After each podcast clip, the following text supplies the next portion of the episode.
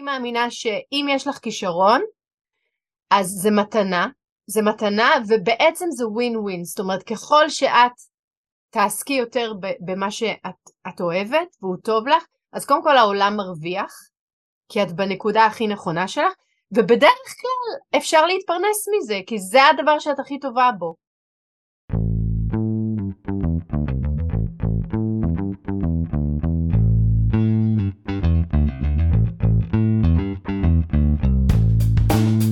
לחיות בתפקיד הראשי, הפודקאסט של יעלי קוגן.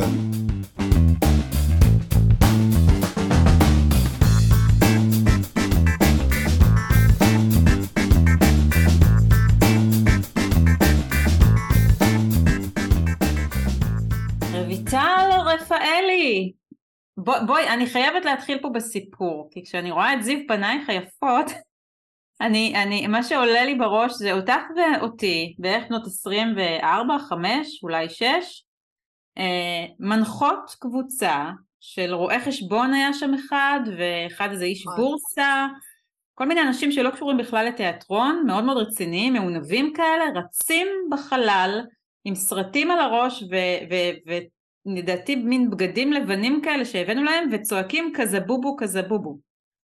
אני זוכרת משהו אחר. אני זוכרת, אה, אני פשוט נזכרתי בסיפור הזה, שאנחנו עבדנו במוזיאון הילדים בחולון, היינו נכון. מדריכות שם, והתחלנו לדבר, והחלטנו לנסות לעשות קבוצת תיאטרון, שנלמד אותה, ונסענו, את זוכרת, לפסטיבל סגול, משהו נכון, כזה? נכון, נכון. כמה פשוט ניסינו אה, לשכנע אנשים לבוא לשיעור שלנו. ושכרנו אה, חדר בבית דניאל בתל אביב, כאילו, אנחנו ממש היינו יזמיות. אבל, אבל תקשיבי, אני פתאום קולטת, אני, אני המון, אה, במסגרת הפודקאסט וכל הדברים שאני עושה, המון דברים מהעבר עולים לי. אוקיי. וממש נזכרתי בך, ואני חושבת שכבר אז זיהיתי אצלך שאת, אה, עזבי את זה שאת מוכשרת בטירוף, בקטע פסיכי, את יזמית, את קודם כל, רויטל רפאלי, יזמית, אחר כך כבר כל שאר הכובעים. אבל יעל, תראי, הכרנו אז בגיל 26 בערך. כן. שבע, שמונה אפילו שלי לדעתי. ואני חושבת שדווקא מה שיפה בסיפור הזה זה שיזמית פגשה יזמית, והם התחילו ליזום משהו. ואני מאוד אוהבת את איך שלא... לא היינו עצלניות בשנייה, לא היה לנו קטע שלא... היינו, היה לנו רצון מטורף לעשות הערב הזה. וזה לא היה פשוט, את זוכרת? התקשרנו לאנשים, ביקשנו מהם את הטלפונים, התקשרנו לאנשים. את זוכרת כמה שכנענו אנשים כדי לבוא לערב הזה? האמת שלא, אני לא. זוכרת שהם פשוט באו. לא, אז אני זוכרת שזה היה קשה, ואז הם הגיעו, והייתה איזה קבוצה, והם שילמו. אפילו הבאנו, הבאתי, ביקשתי מחברה שלי לבוא גם, כדי שיהיה נפח, כדי שיהיו עוד אנשים. ואני דווקא מאוד אוהבת את זה שלא פחדנו מה שנקרא, לשים את הידיים בבוץ ויאללה, עד שיהיה לנו קבוצה ואנחנו ננחה את הערב הזה. איזה קטעים, אז אני הדחקתי, את רואה? אני זוכרת שהיה קליל שפשוט באו. שאני לא זוכרת שהתקשרנו, אני זוכרת שהיה פסטיבל ושחילקנו פליירים ושקרתה קבוצה. לא, זה באמת מדהים. זה, זה סיפור יפה, וזה גם, מקודם כשדיברנו קצת וסיפרת לי על מה עבר עלייך, אז אני הבנתי שאנחנו המשכנו להיות דומות גם בהמשך. אז, אז תכף את תספרי, תכף אוקיי. תספרי על כל מה שאת עושה, אבל עוד לפני שתספרי, אני רוצה אחר כך לסקרן את המאזינים ולא להגיד להם כלום, אחר כך את תגידי מה את עושה, אוקיי. ולהתחיל איתך בהנחתה, כי אחת הסיבות שאת היית בין הראשונים, ככה עשיתי רשימה, את יודעת, של 50 אנשים שאני רוצה לראיין, ואת היית בין הראשונים, בין החמישה הראשונים, כי אני חושבת שהפודקאסט ייקרא לחיות בתפקיד הראשי, שזה אומר לשים את עצמי במרכז של החיים שלי ולהגשים את החלומות שלי, ואני חושבת שמה שאני אה, רצתי עוד אז, איך שנפגשנו ככה במסדרוני מוזיאון הילדים, זה שלקחת את הכישרון שלך ו- והפכת אותו לכסף. ו- ואני גם עוקבת אחרייך, את כל פעם משנה טיפה את הפאזה ולוקחת את אותו כישרון ואומרת וואלה הנה עוד דרך שאני יכולה לתרום לעולם ולהפוך אותו לקריירה. ואני רוצה לשאול אותך באמת כי זה משהו שהוא נדיר, שאני לא נתקלת בו הרבה, שזה כל כך um, פשוט, שזה כל כך טריוויאלי, שזה כל כך ברור מאליו שרויטל, שאת מוכשרת בעוד הרבה דברים, זאת אומרת אני, אני גם לחלוטין רואה אותך מנהלת חברת הייטק, כאילו מבחינת ה- היכולות שלך, אבל את הלכת עם האהבה, ואת הלכת עם, ה- עם מה שאת הכי מחוברת אליו, את שחקנית מטורפת, אה, אה, ואמרת אני הולכת לייצר מזה הכנסה, והכנסה טובה, זאת אומרת להרוויח טוב, ובא לי לשאול אותך, ש... אני שואלת את זה גם את עצמי, של ה-25, אין לי מושג, אני לא יודעת מה אני הייתי עונה לעצמי, מאיפה האומץ? אני מנסה לחשוב אם זה היה סיפור של אומץ, או... אני חושבת שאני מבחינתי, הפעוטרון זה הסיפור שהיו לי מלא חלומות לפני זה, אבל הפעוטרון זה היה בעצם פעם ראשונה שלקחתי את האהבה שלי לתיאטרון, האהבה שלי לילדים, ו- ולא עזבתי עד שלא נוצר מזה באמת אה, ממש עסק רציני. אה, ואני חושבת שזה היה סיפור של אחד, אה, אמונה שלמה אה, שלי יש משהו לתת בתחום הזה, וגם אם עכשיו זה לא הולך, כי גננות לא רוצות חוג כזה, כי בתקופה שאני התחלתי לעשות חוגי תיאטרון סיפור, אז לא כל כך היה חוגי תיאטרון סיפור, היו חוגים אחרים, וגננות היו אומרות לי, אבל uh, אני יכולה לספר סיפורים לילדים, למה אני צריכה לשלם למישהי שתעשה את זה? אז גם כשהיו לי מלא קשיים כאלה, ולא היו לי עוד, עוד uh, גננות ששילמו לי, או שרצו חוג כזה, אז עדיין היה לי מין משהו עקשני שאמר, לא, אבל יש לי משהו לתת, גם אם לא ברור לי בדיוק מה זה, אני יודעת שזה משהו טוב לילדים, וטוב לי, וזה מסתדר לי, בגלל שזה מה שאני רוצה לעשות עכשיו, כי אני גם אימא צעירה, או שאני בהיריון, התחלתי את זה בהיריון עם הבן הבכור שלי, אז אני יודעת שיש פה מה לתת. אז אחד זה עקשנות, שתיים זה תמיכה, אוקיי? תמיכה זה אומר שבעלי החמוד ירון, אמר לי, לכי עם זה, זה בסדר, תלכי עם זה, תעשי את זה.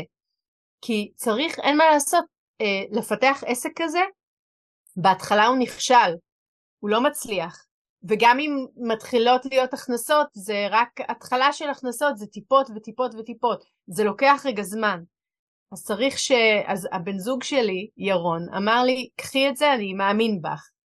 אז אני חושבת שזה תמיכה גם, אה, ודבר שני, הנכונות להשתפר ולרצות להיות הכי טובה. זה אומר שכל גננת שאמרה לי שלא, אז לגשת אליה באומץ ולהגיד לה, אה, תקשיבי, א', בסדר גמור, לגיטימי לגמרי, את מוכנה בגלל שאני רוצה ללמוד ולהשתפר, את מוכנה להגיד לי למה, למה לא ומה אולי הייתי עושה אחרת שהיה גורם לך לחשוב אחרת? ממש ככה. וגננות, קודם כל, זה נורא מפחיד לשאול שאלה כזאתי, אבל uh, גננות בשמחה ענו לי ואמרו לי, וכל דבר כזה לקחתי, וגם אם נעלבתי, אז אחר כך אמרתי, אוקיי, אבל מהזווית שלה, למה היא צודקת? אוקיי? היא הרי רוצה לעשות טוב לגן שלה, אז למה מהזווית שלה היא צודקת? לקחתי את זה ושיפרתי, וככה שיפרתי.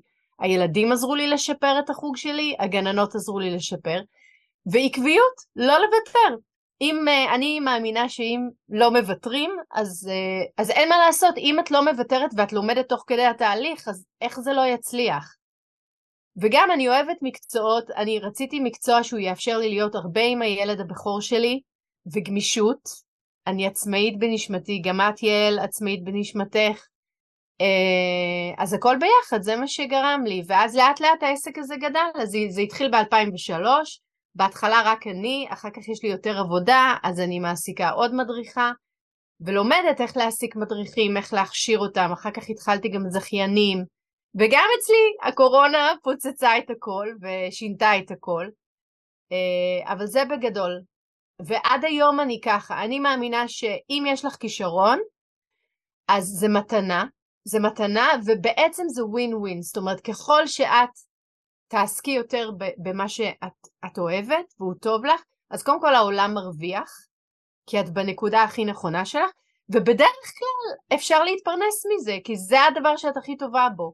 אני חושבת באמת דבר, ש, שברגע שאת מחוברת לאלמנט שלך ולמתנה שלך, אז, אז זה לא מפריע כשאומרים לך לא, אני אומרת לך את זה באמת מעצמי, כי היה לי ברור, זה, זה מדהים אגב, את עוברת על השנים ואני אומרת זה בדיוק כמוני, אני פתחתי את בית ספר לתיאטרון, אני התחלתי לסחור מורים, אני, הקורונה סגרה לי את העסק, התפתחתי, לו, כאילו יש לנו את אותו מסלול רק בתחומים נכון. משיקים, שזה מדהים. וכאילו מה שעקבי יעל זה שאנחנו יזמיות, זאת אומרת הקורונה סגרה אז אנחנו פותחות משהו אחר.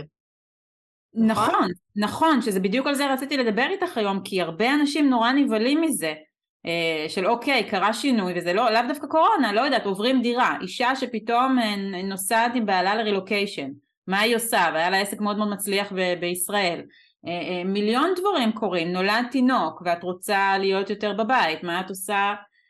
ואני חושבת שבאמת ה...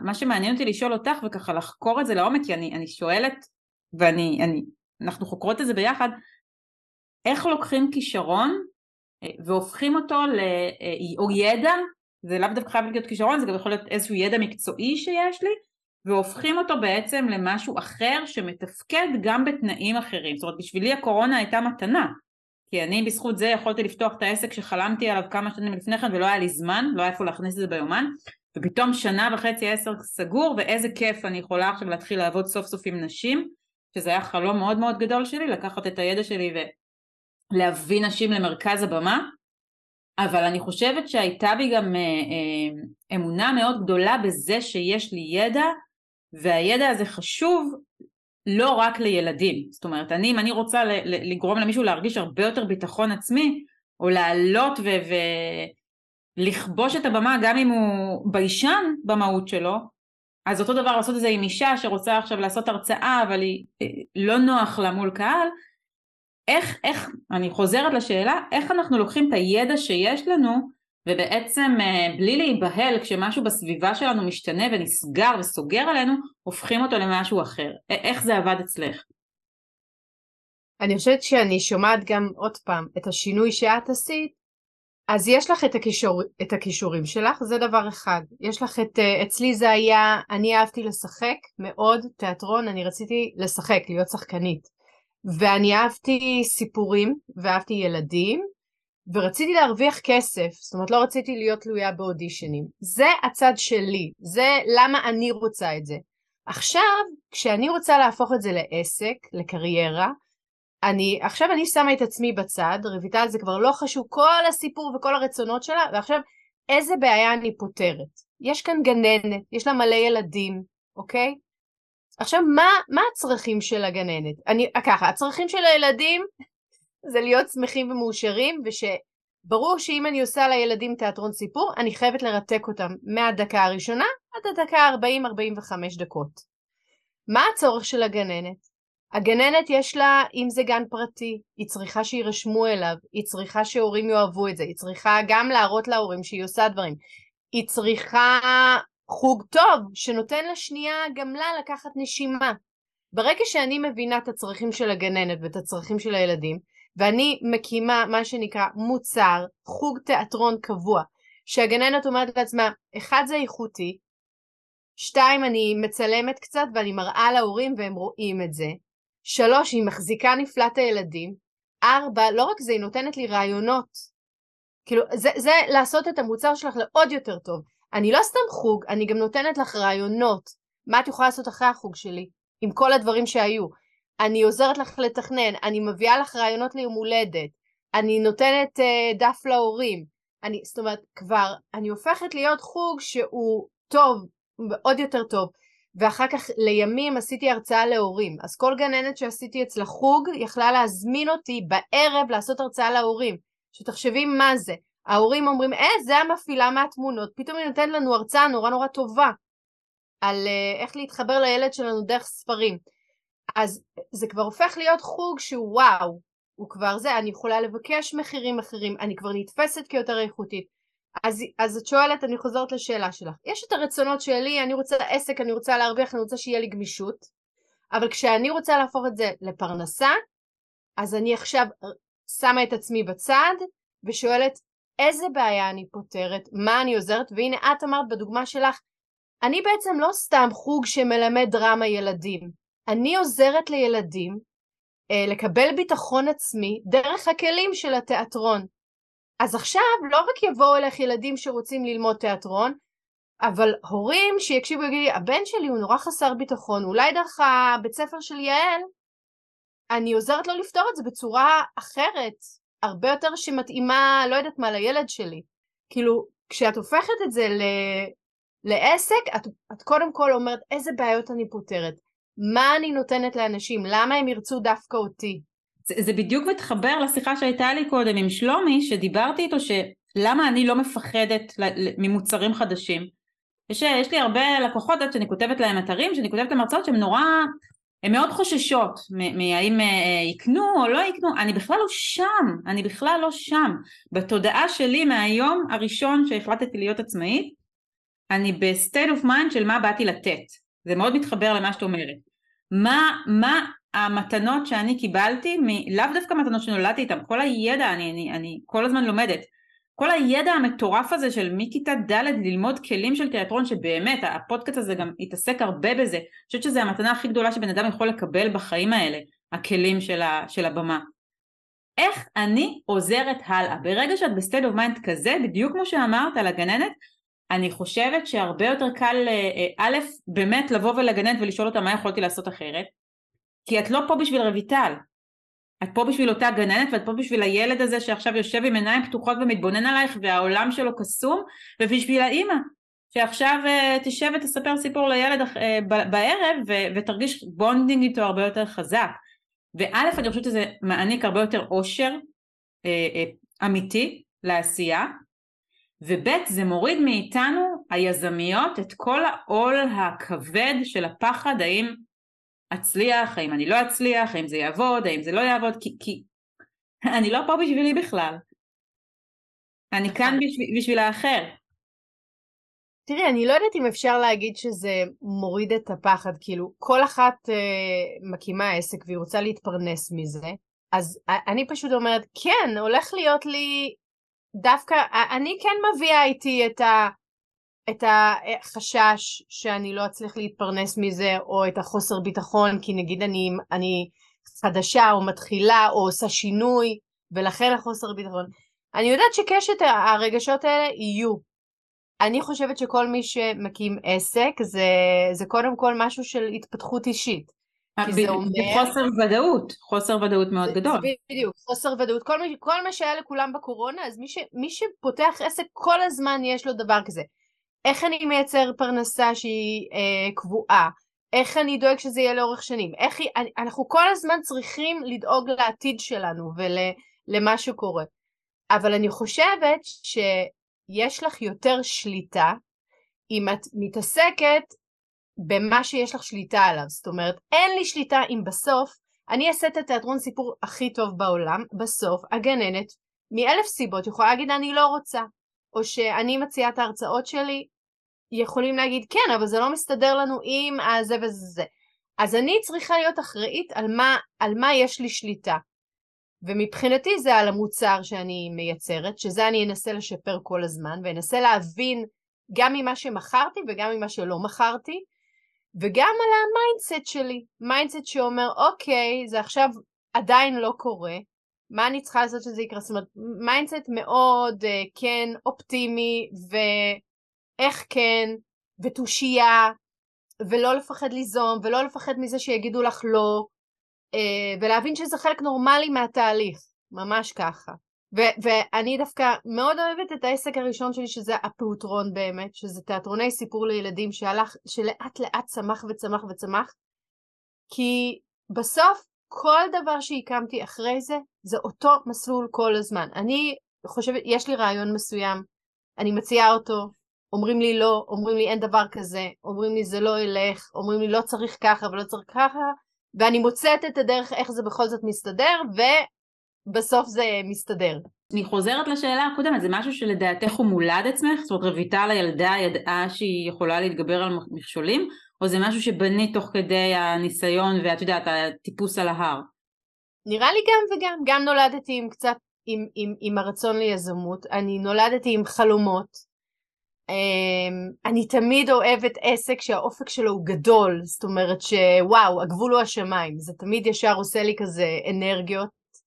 מאוד טובות, וגם, אה, למשל, אני עכשיו מפתחת אה, עסק בחו"ל, אוקיי? מה זה אומר עסק בחו"ל? אני עושה את הרצאות שעשיתי בארץ, אני עושה אותן באנגלית, ואני מציעה אותן לעולם בעצם, ו, ואני, מתוך זה יש לי קורס מיוחד להורים שמלמד אותם איך לייצר קשר משמעותי עם ילדים דרך הקראת ספרים ודרך כלים של storytelling. עכשיו, העסק הזה הולך קשה, התחלתי אותו בקורונה, אה, כי עוד פעם, התפנה לי ים של זמן ואמרתי יאללה זה הזמן להגשים חלומות. וההתחלה הייתה קשה, יעל. אני מציעה אה, הרצאה בחינם באנגלית, אני מממנת אה, פייסבוק אדס כאלה, כי, כדי שזה יגיע לחו"ל, ואין, לא נרשמים, ומנסה ככה, ומנסה ככה, ומנסה ככה, ומנסה ככה. עכשיו, זה לפתח אה, איזשהו שריר שאומר, זה שאין לי תוצאה כרגע, ואין לי תוצאה כבר כמה זמן, כמה חודשים, נכון, אני יכולה להגיע למסקנה שזה כישלון וזה לא ילך ולוותר, ואני יכולה להגיד, אה, זה, זה הדרך, וזה נורמלי, מה שקורה פה זה נורמלי, זה נראה לי לא נורמלי, זה נראה לי שיש פה טעות, זה נראה לי שזה לא אמור להיות ככה, אבל כנראה שזה נורמלי. למה? כי אני מאמינה בהרצאה הזאת. עכשיו, העסק הזה הוא עדיין, הוא בהתבשלות, אני אמנם כבר uh, שנתיים עם זה וכבר מכרתי הרבה קורסים שלו, אבל עדיין הוא עוד לא הכנסה קבועה קונסיסטנטית באנגלית.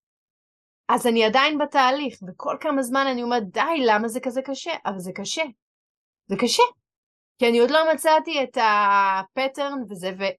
אבל ברור לי שאם אני לא אוותר, אני אמצא. למה? כי יש לי, זה אותו דבר כמו בפעוטרון. ברור לי שיש לי משהו טוב לתת להורים בעולם, ברור לי שיש הורים בעולם שהתוכן הזה זה בדיוק בשבילם, רק אני צריכה למצוא את החיבור. וזה לוקח זמן, וזה לוקח כמה שנים אפילו, הסיפור הזה בחו"ל. אני יכולה לוותר, אבל לא רוצה לוותר. אז זה הסיפור. ואמרת משהו קודם שככה מאוד התחבר אליי, אה, שבעינייך עסק הוא קודם כל התפתחות אישית, אני מאוד מאוד מאוד מתחברת לזה, אני חושבת שבלי התפתחות אישית אי אפשר לאורך זמן להחזיק עסק.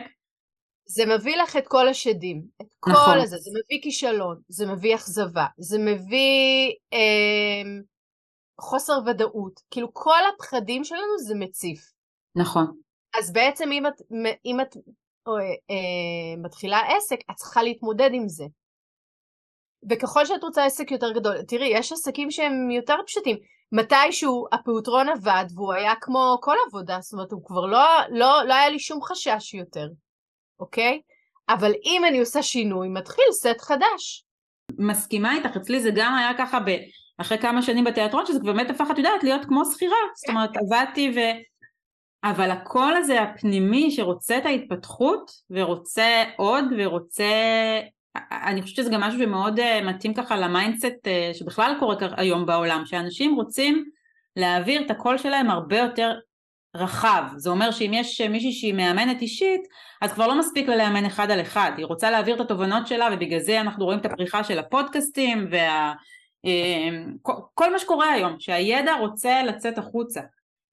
ואני חושבת שבלי אותה התפתחות אישית, בלי אותה עבודה על ה mindset וההתעמתות הזאתי, אי אפשר לשרוד, זאת אומרת אי אפשר לפתח, ו... כי, כי אפשר, לה... יכולתי להגיד, יכולתי להגיד, אה, אוקיי אז יש לי את התיאטרון ונוח לי ונגמרה הקורונה ואני חוזרת למקום הבטוח שלי, אבל היה לי ברור שאני לא הולכת להגדיל שוב את השלוחות ואני לא מעסיקה אף מורה ואני עובדת יומיים בשבוע ומפתחת את העסק החדש למרות שגם אני, אגב זה, זה מדהים החיבור בינינו שגם אצלי זה עסק של בערך שנתיים, גם אצלי זה עדיין בחבלי התחלה אבל יש בי אמונה מאוד מאוד מאוד גדולה שאי שם נשים מחכות לידע שלי, נשים צמאות לידע שלי, אני יכולה לשנות לנשים את החיים במובן הזה עם הידע שיש לי. ואני חושבת שזה מענה מאוד חזק לכל הכישלונות, אכזבות, רגעים שזה לא הולך בקצב שאנחנו רוצים. אני חושבת שהסוד אצלי הוא פשוט להיפרד מהאגו, אני תמיד אומרת את זה, להיפרד מהאגו ו- ולהיות הכי כלי בידי ה- זה שמעליי.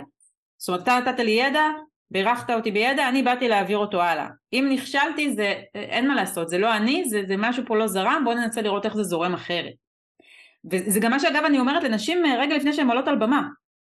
אה, כשמישהי מאוד מאוד חוששת שיש לה עכשיו הרצאה חדשה שעבדנו עליה כמה חודשים וזו הרצאה ראשונה מול קהל, אני אומרת לה, שימי את האגו בצד, את בכלל לא מעניינת אף אחד בקהל. הערך שאת נותנת, זה שאת עכשיו תדברי על, אה, לא יודעת, מה זה לחיות על כיסא גלגלים, אה, ולנסות להתנהל בעולם ש, שלא רואה אותך, זה מה שחשוב. זה שאת כרגע מדברת על, על וזה כל הקסם, זאת אומרת זה משהו שאני הבנתי אותו דווקא דרך התיאטרון, דווקא דרך עבודה על דמות, דווקא זה שכשאני בתוך דמות על הבמה, אז אין לי אגו, אני רק כלי של המחזאי. זה אותו דבר בחיים. אם את מקבילה את זה לחיים, וזה לחיות בתפקיד הראשי, הרבה אה, אה, נשים חשבו שאני אה, פותחת פוסט שמדבר על להיות בסנטר ולהיות באגו. זה לא ממקום כזה בכלל, זה ממקום להיות בתפקיד, בתפקיד ש, שאני רואה את זה ברמה הרוחנית, ש, שנועדתי להיות בו, שכתבו לי, שאני כתבתי לעצמי לפני שירדתי לעולם, אני לא יודעת אם את מתחברת לעולם הזה, אני אה, לא זוכרת אם דיברנו על הצד הרוחני. אני, אני מתחברת לזה מ... אולי לא לא בטרמינולוגיה במשפט, בצורה הזאת, אבל אנחנו, אני חושבת שאנחנו מאמינות באותו דבר. למשל, אצלי זה מתבטא שאני חושבת שאם את, תחשבי איך את היית, או תחשבי כמה בני אדם היו שונים אם לא היה להם את היכולת להרגיש פחד, אוקיי? אז אני אחבר את זה לסיפור. כשפיתחתי את ההרצאה של ההורים, אני, אני נורא אוהבת את הסיפור הזה.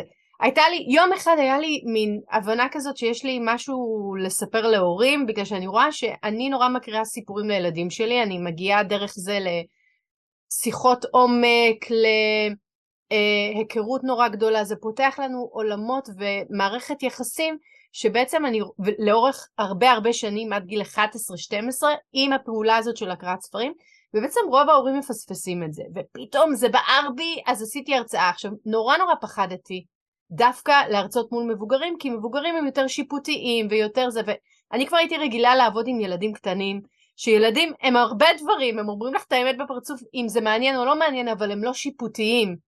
הם לא יגידו, רויטל היא קצת אה, שטוחה בעיניי, קצת... אה, היא לא נורא sophisticated, ילד לא יגיד ככה, הוא רק יגיד אם זה מעניין אותו או לא מעניין אותו. ונורא נורא נורא פחדתי מזה. ו- אבל התחלתי לעשות את ההרצאה הזאת מהרצון של השליחות, ואז יום אחד הייתי צריכה לעשות אותה, כאילו, הזמינו אותי לעשות אותה בחברת הייטק, ונורא נורא חששתי, כי, כי דמיינתי גברים מסתכלים, וכאילו לא מבינים מי עשה להם את הדבר הזה. אז עכשיו אני אחזור למה שאמרתי, תארי לכן פחד. אז מה עושים כשיש לך משהו ואת לא בטוחה אם הוא מספיק טוב? אז באותו רגע היו לי חמש דקות כאלה ששמתי את הפחד בצד, ועלה לי רעיון, להתקשר לחברה כזאת מתל אביב שהם נורא כאלה sophisticated, היא ובעלה, ואמרתי לה תזמיני את כל החברים הכי ביקורתיים שלכם בערב, אני רוצה להעביר לכם הרצאה ושתגידו לי מה, מה אתם חושבים ואיך אני יכולה לשפר אותה. וזה היה חמש דקות של המון אומץ, ו...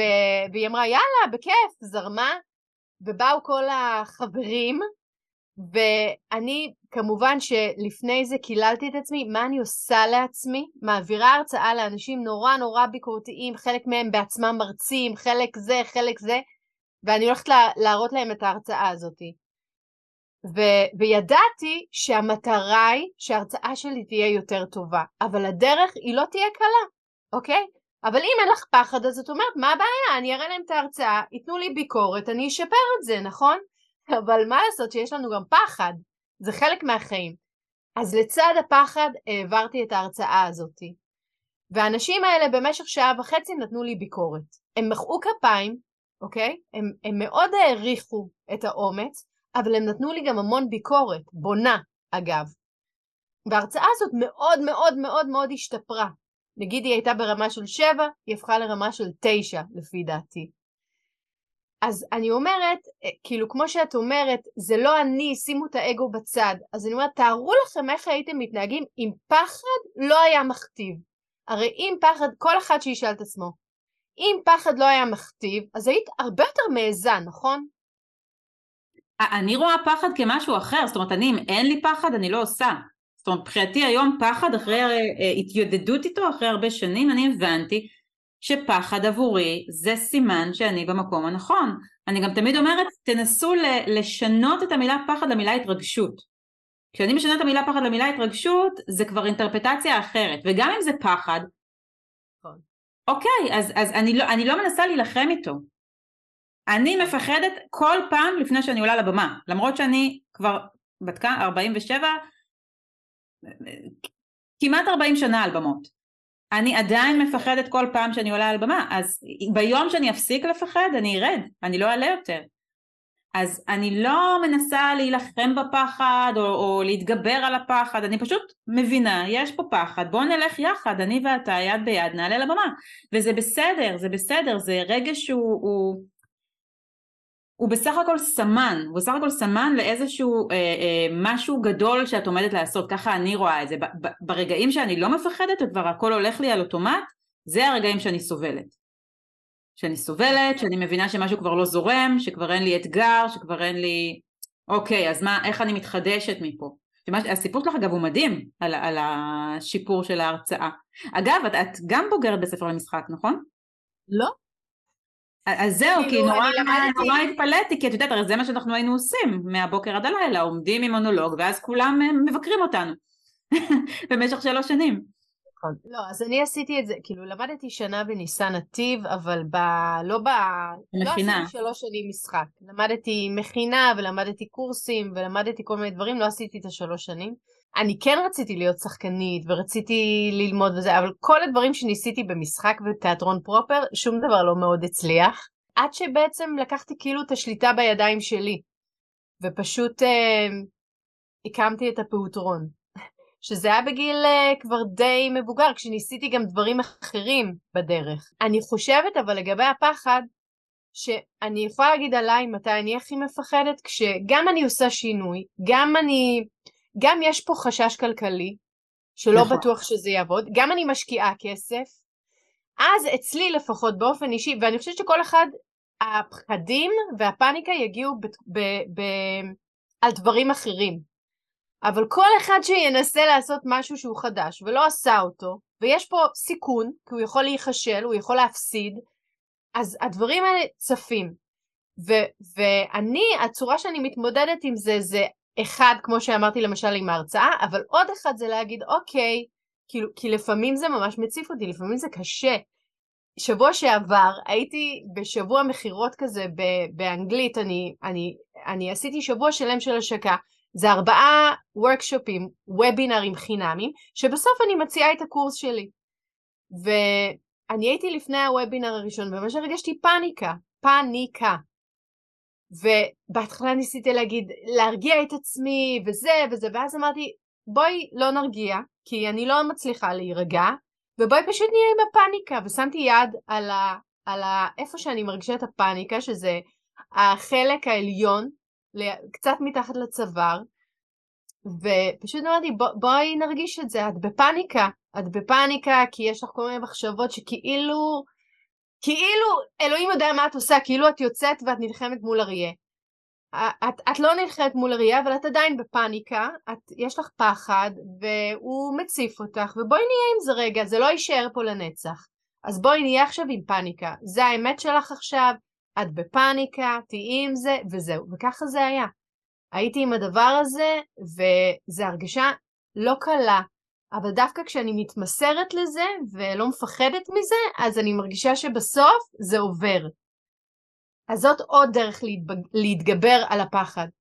אבל אני באמת אומרת, אנשים שעושים את הדברים האלה, שכל פעם מנסים משהו חדש, ויש פה סיכון, ויכולים להיכשל ולהפסיד כסף, או להפסיד משהו, או להפסיד זמן, או להוציא המון המון אנרגיה על משהו ובסוף זה לא יצליח, לא יעזור, הרגשות האלה יעלו, הם, וזה לא נעים, ו, וזה בסדר, זה נורמלי, צריך לזכור שזה נורמלי, זה אמור להיות אני, ככה. אני חושבת שגם עוד דבר ש, שעוזר ככה, כשאת מדברת פתאום נפל לי האסימון, זה ה- להתנתק מה... לא תמיד כל דבר חייב להצליח. אני נכון. עכשיו שלחתי מחזה שלי, שמאוד מאוד האמנתי בו, לאיזשהו מקום, אה, ואחרי חודשיים מורטי שיער קיבלתי תשובה של אה, תודה, קיבלנו את המחזה שלך, אה, שלחו לנו המון הצעות, בחרנו מחזה אחר. ולא הרגשתי רע באופן מפתיע, זאת אומרת הרגשתי מאוד מאוד טוב עם זה ששלחתי אותו בכלל, ששלחתי אותו, שציפיתי, וזה היה בסדר, כאילו הייתי בשוק מה, מהקלות שבה עברתי הלאה, כי מאוד מאוד רציתי שזה יקרה, ואז אני זוכרת שאמרתי לי איך זה יכול להיות, כאילו הם כרגע כתבו לי שלא, שהם לקחו מחזה אחר, ואני עכשיו ממשיכה פה לקרוא מיילים ומתעסקת בכלל ב... כאילו משהו נורא היה לי מוזר, ואז הבנתי שאני חושבת שבגלל שאת יודעת נכשלתי הרבה פעמים, ואני תמיד מספרת שאני עד שהתקבלתי לסמינר אני נכשלתי חמש פעמים באודישנים לבתי ספר למשחק. רק בפעם השישית שניגשתי התקבלתי. אז יעלי את רואה אני ויתרתי, אני גם נכשלתי כמה פעמים עד שבסוף לאחד התקבלתי אבל בסוף כבר אני לא רציתי. כן. אבל את רואה אז אני ויתרתי. אז זה אבל, אבל זה, לא זה משהו שמלמד אותך, כי כשאתה נכשל, נכשל ונכשל, אתה מבין שבסדר, אז לא קיבלו את המחזה שלי עכשיו, אני אשלח אותו למקום אחר. לא יקבלו אותו, אני אפיק אותו לבד. שזה אגב, את אמרת איזה משפט בהתחלה שאני כל כך התחברתי אליו, אני זוכרת שסיימתי את הלימודים של המשחק והלכתי לאודישן, פעם ראשונה. ואני עומדת בתור לאיזה פרסומת מטומטמת למשחת שיניים, ויושבת ב, ב, על הספסל שם אישה, אז היא נראתה לי זקנה, היא הייתה לא כל כך זקנה, בת 60 פלוס, יושבת, מחכה לאודישן. זאת שאני מסתכלת עליה, מסתכלת על התואר, מסתכלת עליה, עושה אחורה פנה, ואומרת לעצמי, אני לא אשב בגיל 60 באודישן בשביל שאיזה בימה יגיד לי את כן טובה, את לא טובה, אני פותחת תיאטרון משל עצמי. ובזה הסתיימה קריירת המשחק שלי. אני נכון, פשוט לא, לא רציתי את החיים האלה. לא רציתי את זה. כן, גם אני. את יודעת מה מעניין? שיש דברים שנורא מהר ויתרתי, ויש דברים שלא ויתרתי מהר. זאת אומרת, למשל, אמ, ואני מנסה לחשוב, כי, כי לפעמים זה נכון לוותר. אני חושבת שהיום זה מאוד ברור לי למה ויתרתי על המשחק והתיאטרון, ובחיי ששנים האמנתי שזה היה החלום שלי, להיות שחקנית תיאטרון וקולנוע. אבל נורא מהר ויתרתי, כל פעם שהיו כמה אודישנים שלא עברתי, ויתרתי. ובדברים אחרים אני בכלל לא מוותרת, אין בכלל סיכוי שאני מוותרת. אז אני חושבת שגם לפעמים אנחנו לא לגמרי עם עצמנו מבינים מה הדבר שהוא באמת בוער בעצמותינו. זה גם תהליך שלוקח זמן. אבל אם יש משהו שממשיך כאילו אה, כל הזמן להגיד לך, אבל אולי בכל זאת, אבל אולי אם תנסי ככה, אולי ככה, זה כן ילך, זה אומר שזה משהו שצריך לא לוותר. זה, זה דורש המון הקשבה, המון הקשבה פנימה והמון עבודה פנימית. אני שוב חוזרת לרוח ול... באמת לשבת עם עצמך ו- ולשאול את השאלות, לשאול מה עושה לי טוב, מה... וגם מה המחיר, את יודעת מה, כשאני חושבת על זה, אז, אז בעצם על מה הסיפור על זה? על מחיר שאני לא הייתי מוכנה לשלם. אני לא הייתי מוכנה שהשליטה בחיים שלי תהיה בידי איזה במאי או איזה מישהו שיחליט אם אני מתאימה לו בעין או לא. והמחיר הוא משהו שצריך לתת, שזה גם משהו שאת שאני חושבת שהרבה פעמים עוצר כשיש לי חלום מאוד מאוד גדול, אין, אין, אין מה לעשות, כמו בתהילה, את זוכרת שהיה את ההתחלה של תהילה שהיא אמרה, ועכשיו אתם עומדים לשלם על כל ה... right here is where you start uh, paying, in sweat. כן, אז יש הרבה חולמים וחולמות שברגע שהם מבינים את התג מחיר, הם אומרים אוקיי, לא מתאים לי. נכון. אז אולי זה רויטל התשובה שלך ל, אה, ללמה חלק ויתרת וחלק לא, כי, כי אני חושבת בן אדם מאוד אינטליגנט ואת הבנת את המחיר. עולה לי אבל עוד משהו, יעל. המשמעות של לא לוותר בשביל להיות שחקנית תיאטרון וקולנוע זה באמת ללכת כל הזמן לאודישנים ועוד ועוד ולא לוותר, לא לוותר, לא לוותר. אני מרגישה, ולעומת מה שאני עושה עכשיו, שלמשל אני בחיי שאני מתאבדת על העסק שלי בחו"ל ואני אני עושה עוד כל מיני מיזמים ו- וכל הדברים שקשורים אליי, ו- ו- ושם אני, אני לא מוותרת, ואני לא מוותרת כי עוד משהו שאני מרגישה זה ששם הלא לוותר, מה שאני עושה עכשיו, לא לוותר, זה צמיחה אישית. וכשעשיתי את האודישנים, לא הרגשתי שאני צומחת מהתהליך, הרגשתי שאני נעשית יותר נמוכה מהתהליך. לא יודעת מה הפוך מצליחה. קמלה. מה? בדיוק, אני קמלה.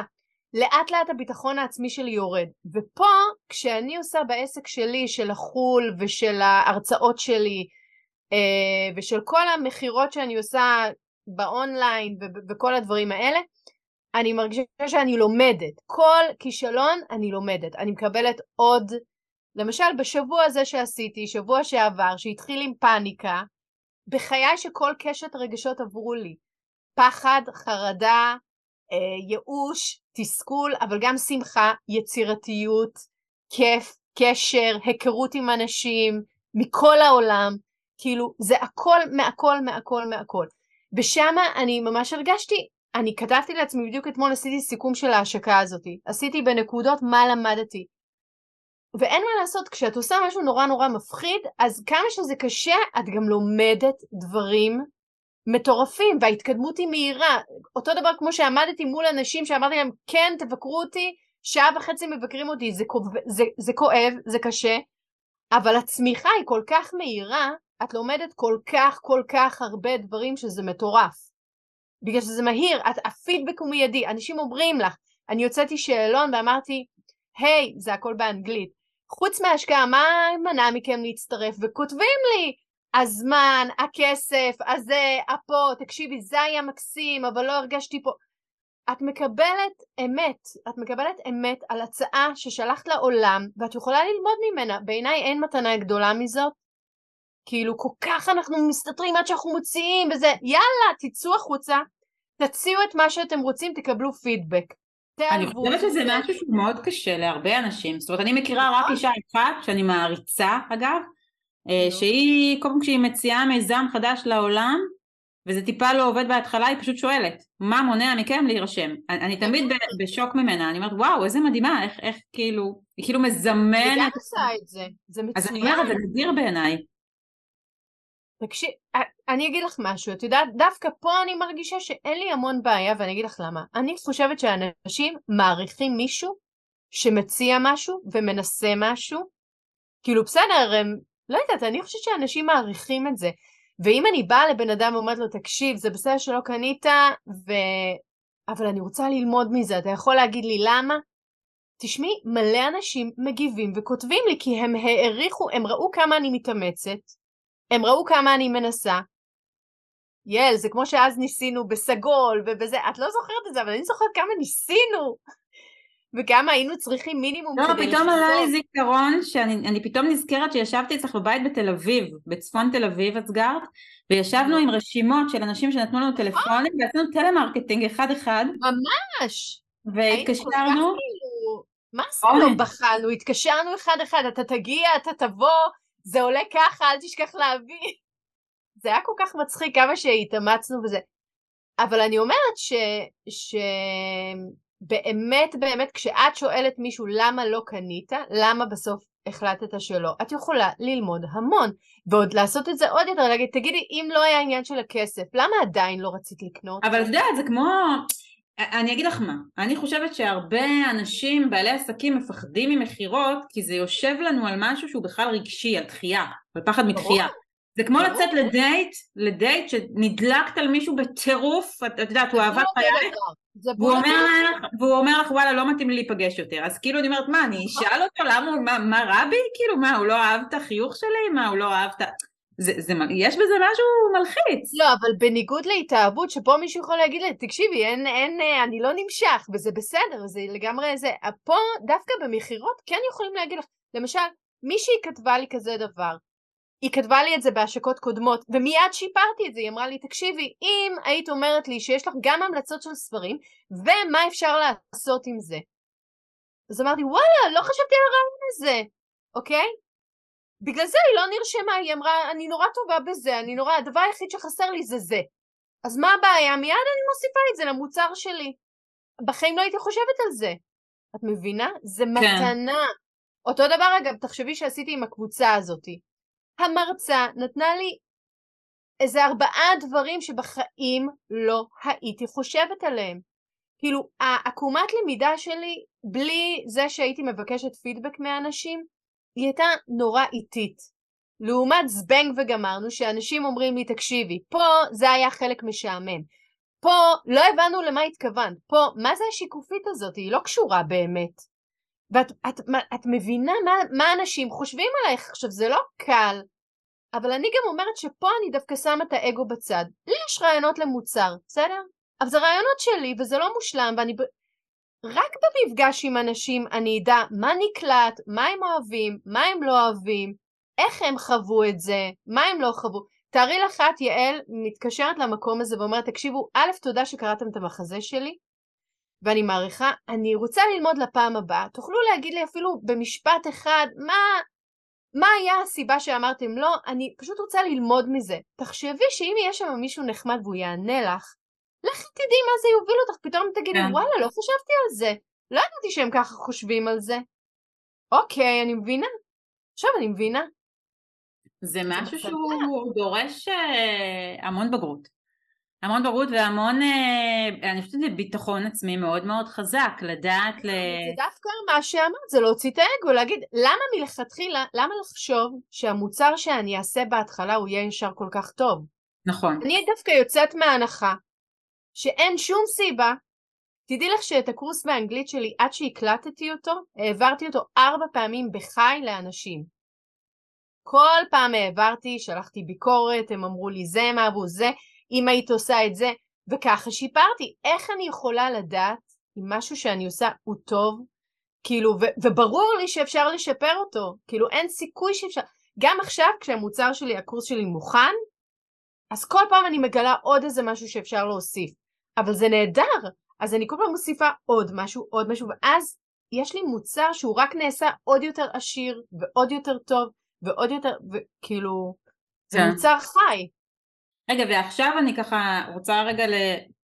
להבין, אז יש לך גם את הפעוטרון עכשיו וגם את העסק החדש? חזרת אחרי הקורונה לפעוטרון?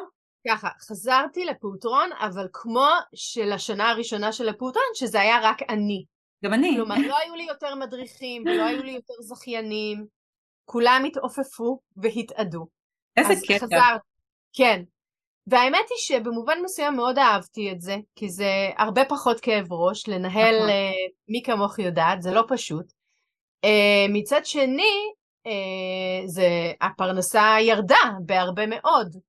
אז uh, גם היה לי הרי קורס אונליין בעברית למפעילים, איך לקחת רעיון ולייצר ממנו uh, פרנסה, כאילו, של כן. ילדים. אבל גם זה בקורונה, מי רוצה ללמוד עכשיו לעשות תיאטרוני סיפור לילדים כשאסור למפעילים? אז קודם כל מה שעשיתי בקורונה זה שעשיתי הפעלות זום לילדים, ומיד אחרי פעמיים הצעתי בתשלום לעשות למפעילים mm-hmm. איך לעשות הפעלות זום לילדים. כן. כאילו ישר למדתי את זה ולימדתי אחרים. ואחר כך לקחתי את זה והתחלתי ללמד את זה באנגלית בחו"ל. כי ראיתי שגם בחו"ל יש להם את אותה בעיה. אז התחלתי גם את זה. זה מדהים, זה מדהים, אני, אני מתה עלייך, באמת, כאילו, את מדברת על זה כאילו, כן, ואז הלכתי לסופר וקניתי חלב, כי ממש התפתח לי קורנפלקס ולא היה חלב, אז את, את כאילו מדברת על זה כמובן מאליו, אבל אני לא יודעת, אני מתבוננת עליך ככה מהצד, ב, באמת בהשתאות ואיזה יופי, שאני חוזרת לנושא ככה של השיחה שלנו היום, של לקחת את הכישרון שלך, לזהות את הצורך שעולה כרגע בקהל, ולחבר ביחד. אני יודעת לעשות את זה, הם כרגע צריכים את זה, בואו נייצר משהו חדש. אני חושבת שזה מאוד מתחבר גם ליצירתיות. ליצירתיות ולהבנה שזה משהו שגם לומדים אותו בתיאטרון באימפרוביזציות. של אוקיי, הסצנה השתנתה, נכנסה עכשיו דמות חדשה, מה אני עושה? ו- כן. ובאיזשהו שלב זה הופך לכל כך uh, מושרש במוח, זה מפתח דברים במוח, אני עשיתי על זה בתואר הראשון, זו הייתה עבודת המחקר שלי, על איך אימפרוביזציות מאפשרות לאנשים אה, לחיות הרבה יותר טוב אחר כך כאנשים מבוגרים. וזה, וזה מאוד, אני, אני נורא רואה את זה אצלך, שאת פשוט באופן אה, מאוד קליל מבינה שאוקיי, אז יש פה עכשיו מצב שזה סגור וזה סגור וזה סגור, אז כן, יש פאניקה, אבל בואו נראה רגע, הם צריכים אותי בזה וזה וזה, אז אני מייצרת משהו חדש. יש עוד משהו שעוזר, שיכול לעזור למי שרוצה ליזום משהו, בהתחלה תמיד אני מציעה כשאני לא בטוחה בחינם. נכון. זה, זה מקל עליי. כלומר, מהרגע שעוד לא הצמדתי לזה תשלום, אז אה, לא נורא, כאילו, מקסימום יהיה גרוע, אז הם לא שילמו על זה, זאת אומרת, הם שילמו על זה בזמן שלהם, אבל הם לא שילמו לי כסף. אז סתם אני אומרת בסוגריים שזה גם יכול להקליד, נגיד מישהו רוצה לנסות משהו, אבל הוא לא יודע אם זה טוב, אז, אז להציע בהתחלה בחינם.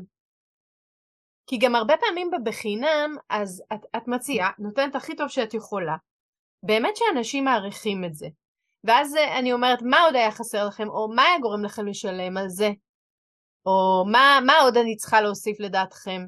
כאילו, אנשים בסוף הם נחמדים, הם מעריכים, הם uh, כאילו, אם עזרת להם בחינם, למה שהם לא יעזרו עכשיו לך רגע? אני ואז... אפילו לא מגדירה את זה כבחינם, את יודעת, אני מגדירה את זה כ... כ...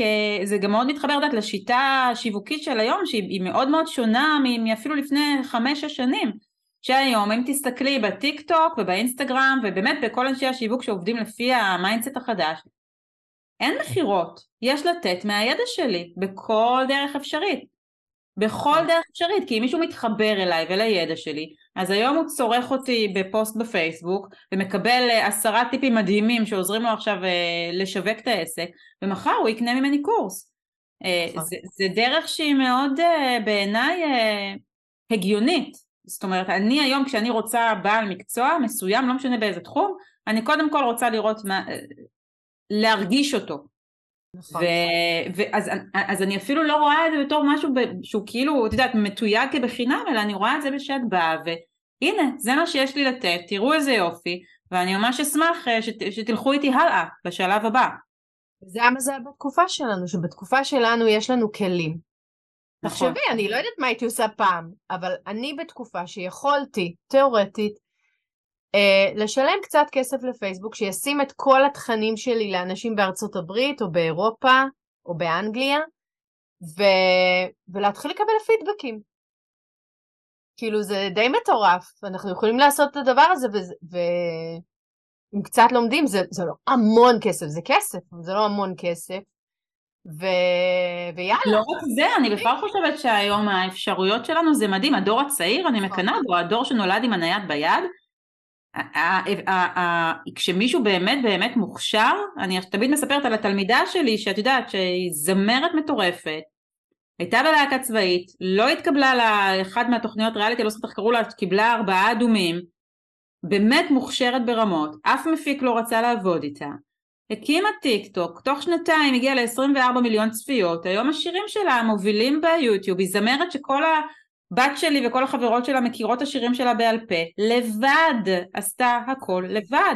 איפה בדורנו זה היה אפשרי? את יודעת, כל אחת... אבל יעלי, לא, אז מה אם אנחנו זקנות? זה לא מה שאנחנו לא יכולות לעשות. לא, בכלל לא. זה מה ששלחתי לך את הסרטונים של, ה... של הרילזים שאני נכון, אני, לא, לא, אני אומרת שזה לא רק זה. זה לא רק אנחנו יכולות, זה משהו ב mindset שחייב להשתנות.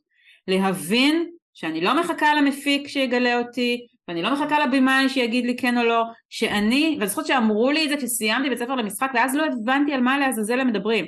אמרו לנו, אל תלכו לאודישנים, תיזמו לבד, תעשו לבד. מה, מה אתם רוצים שאני אעשה לבד? שאני עכשיו אלך להבימה וארים הצגה לבד? כן! כן!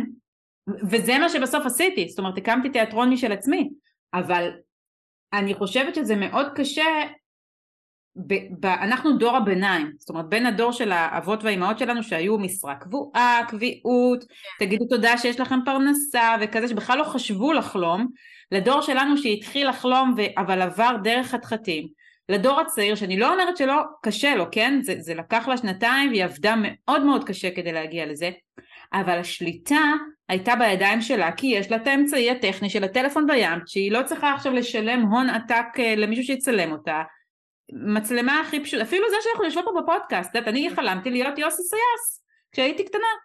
רציתי להיות יוסי סייס, הנה, יש לי מיקרופון שקניתי, יש לי אותך, אני מעלה את ההגיגים שלי לעולם, איפה? מי חשב על זה בשנות ה-80? בגלל זה אני אומרת, יש את זה לכולנו, כל מי שמאזין עכשיו, יכול עכשיו לקחת את הדעות שלו, את הרעיונות שלו, את זה, ולהציע אותם לעולם, וזה נהדר. ו- ואני אגיד לך גם עוד משהו, אני לא חושבת שזה שחור לבן, זאת אומרת, אני תמיד אומרת, אם יש למישהי או מישהי שהיא שכירה כרגע חלום להקים עסק, תישארי שכירה, תישארי נכון. שכירה גם חמש שנים. במקביל, כשאת חוזרת מהעבודה בערב והשקפת את הילדים, תקדישי עוד שעתיים פחות שינה, תפתחי משהו, תעשי, ולאט לאט לאט זה יעבוד, לא צריך, ל... אני נכון. לא מאמינה ב... ב... את יודעת, אה, אה, לזרוק את כן. הכל ו- ולהיות בלחץ כלכלי. אסור להתחיל עסק מלחץ כלכלי, אסור. נכון. גם אני בשנים הראשונות, את זוכרת את זה? יואו, עכשיו אני נזכרת, תקשיבי, אני לא יודעת אם את זוכרת את זה. אבל עד השנה השנייה או השלישית של העסק שלי עוד עבדתי במקביל בסלקום. ואת אמרת לי, ובזכותך אני חייבת לך את זה, עכשיו. נופל לי האסימון, אמרת לי, יעלי, נשמה, למה את נשארת בסלקום? ואמרתי לך, אבל תקשיבי, זה עסק צעיר, ואומרים שהעסקים פושטים רגל אחרי שנתיים, ואני מפחדת, אולי זה במקרה הצליח. אמרתי לי, יעל, תעזבי כבר את, את סלקום, את לא צריכה אותם. ועזבתי, ואני חייבת את זה, כי גם אחרי שכבר הצלחתי, וכבר היו ילדים וכבר הרווחתי מצוין, נורא פחדתי לוותר על המשרה הבטוחה, שאולי שם אני יכולה להתקדם ולהיות מנהלת ול... ואת עזרת לי, אני עכשיו, יואו, עכשיו זה נופל לי. אני לא זוכרת את זה. תראי, אני חושבת שגם uh, המושג הזה של עבודה בטוחה, אוקיי? אני, וואי, יש לי עם זה, כי יש לי כל מיני חברות שיש להן עבודות בטוחות. עכשיו אחד, כולנו ראינו בקורונה שלא כל עבודה שהיא בטוחה היא באמת בטוחה. אפילו טייסים באל על לא היה להם פתאום עבודה בקורונה. אז, אז אחד, העבודות הן לא באמת בטוחות, אנחנו יודעים את זה. דבר שני, כל דבר יש לו מחיר. התחושת ביטחון שיש לך כשאת עובדת במקום כמו סלקום, אבל אה, את צריכה להבין שהמחיר של זה זה תחושה של חוסר סיפוק וחוסר אה, מימוש פוטנציאל. כאילו, יש מחיר לכל דבר. ואני מסכימה איתך אבל לגמרי, שאפשר לעשות במקביל, אפשר לעבוד בעבודה רגילה, ותוך כדי אין מצב שאין לך חצי שעה ביום, במקום לגלול.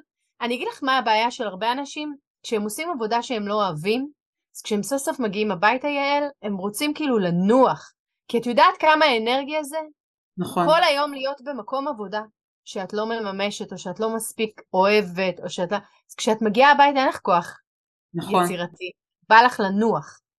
אז אני אומרת, אוקיי, בסדר, אז, אבל, אז, אז להתמוד... קודם כל להגיד את האמת, אני רוצה משהו אחר, אין לי כוח לעשות את זה, ועכשיו להתחיל משם לחפש פתרונות. אז אולי להוריד לשלושת רבעי משרה ולעשות יום אחד שאני משקיעה במה שאני הכי רוצה.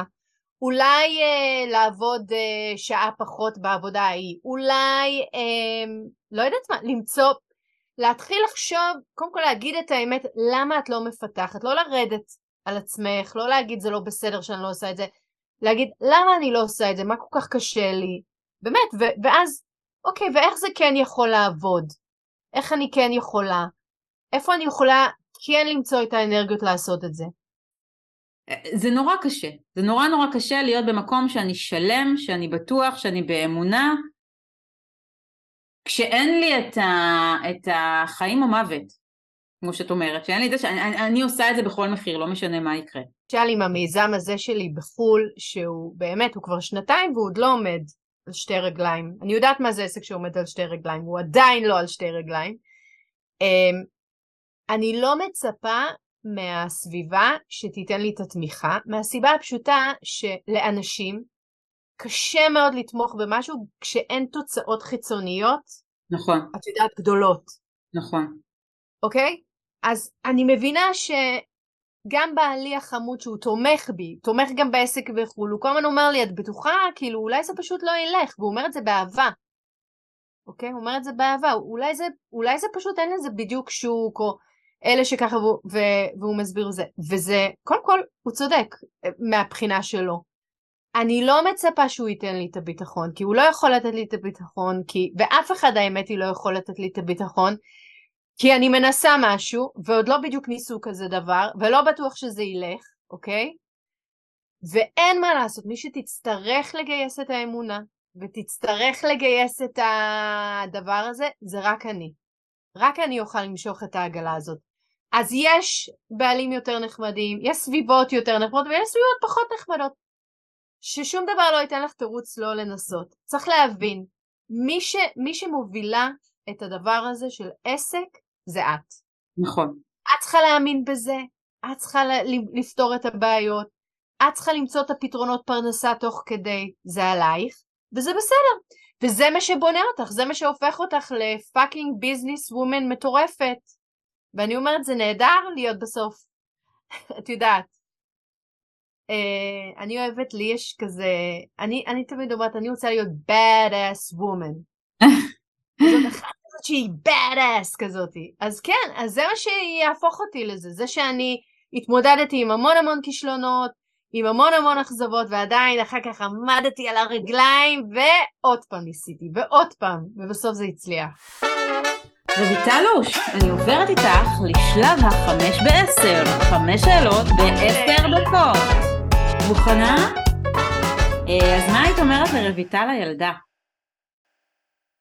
ממי, את מקסימה כמו שאת, את לא צריכה לעשות, את לא צריכה להיות, אה, כמו שאת, את מהממת, אה, את מיוחדת, את לא צריכה לעשות דברים כדי שאנשים יחשבו שאת מיוחדת, את כבר מיוחדת.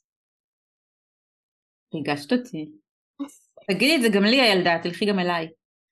לא, אני חושבת שפשוט, את יודעת, יש מלא שגדלו שכאילו אם הם לא עושים משהו מיוחד אז לא יראו אותם והם לא יקבלו אהבה.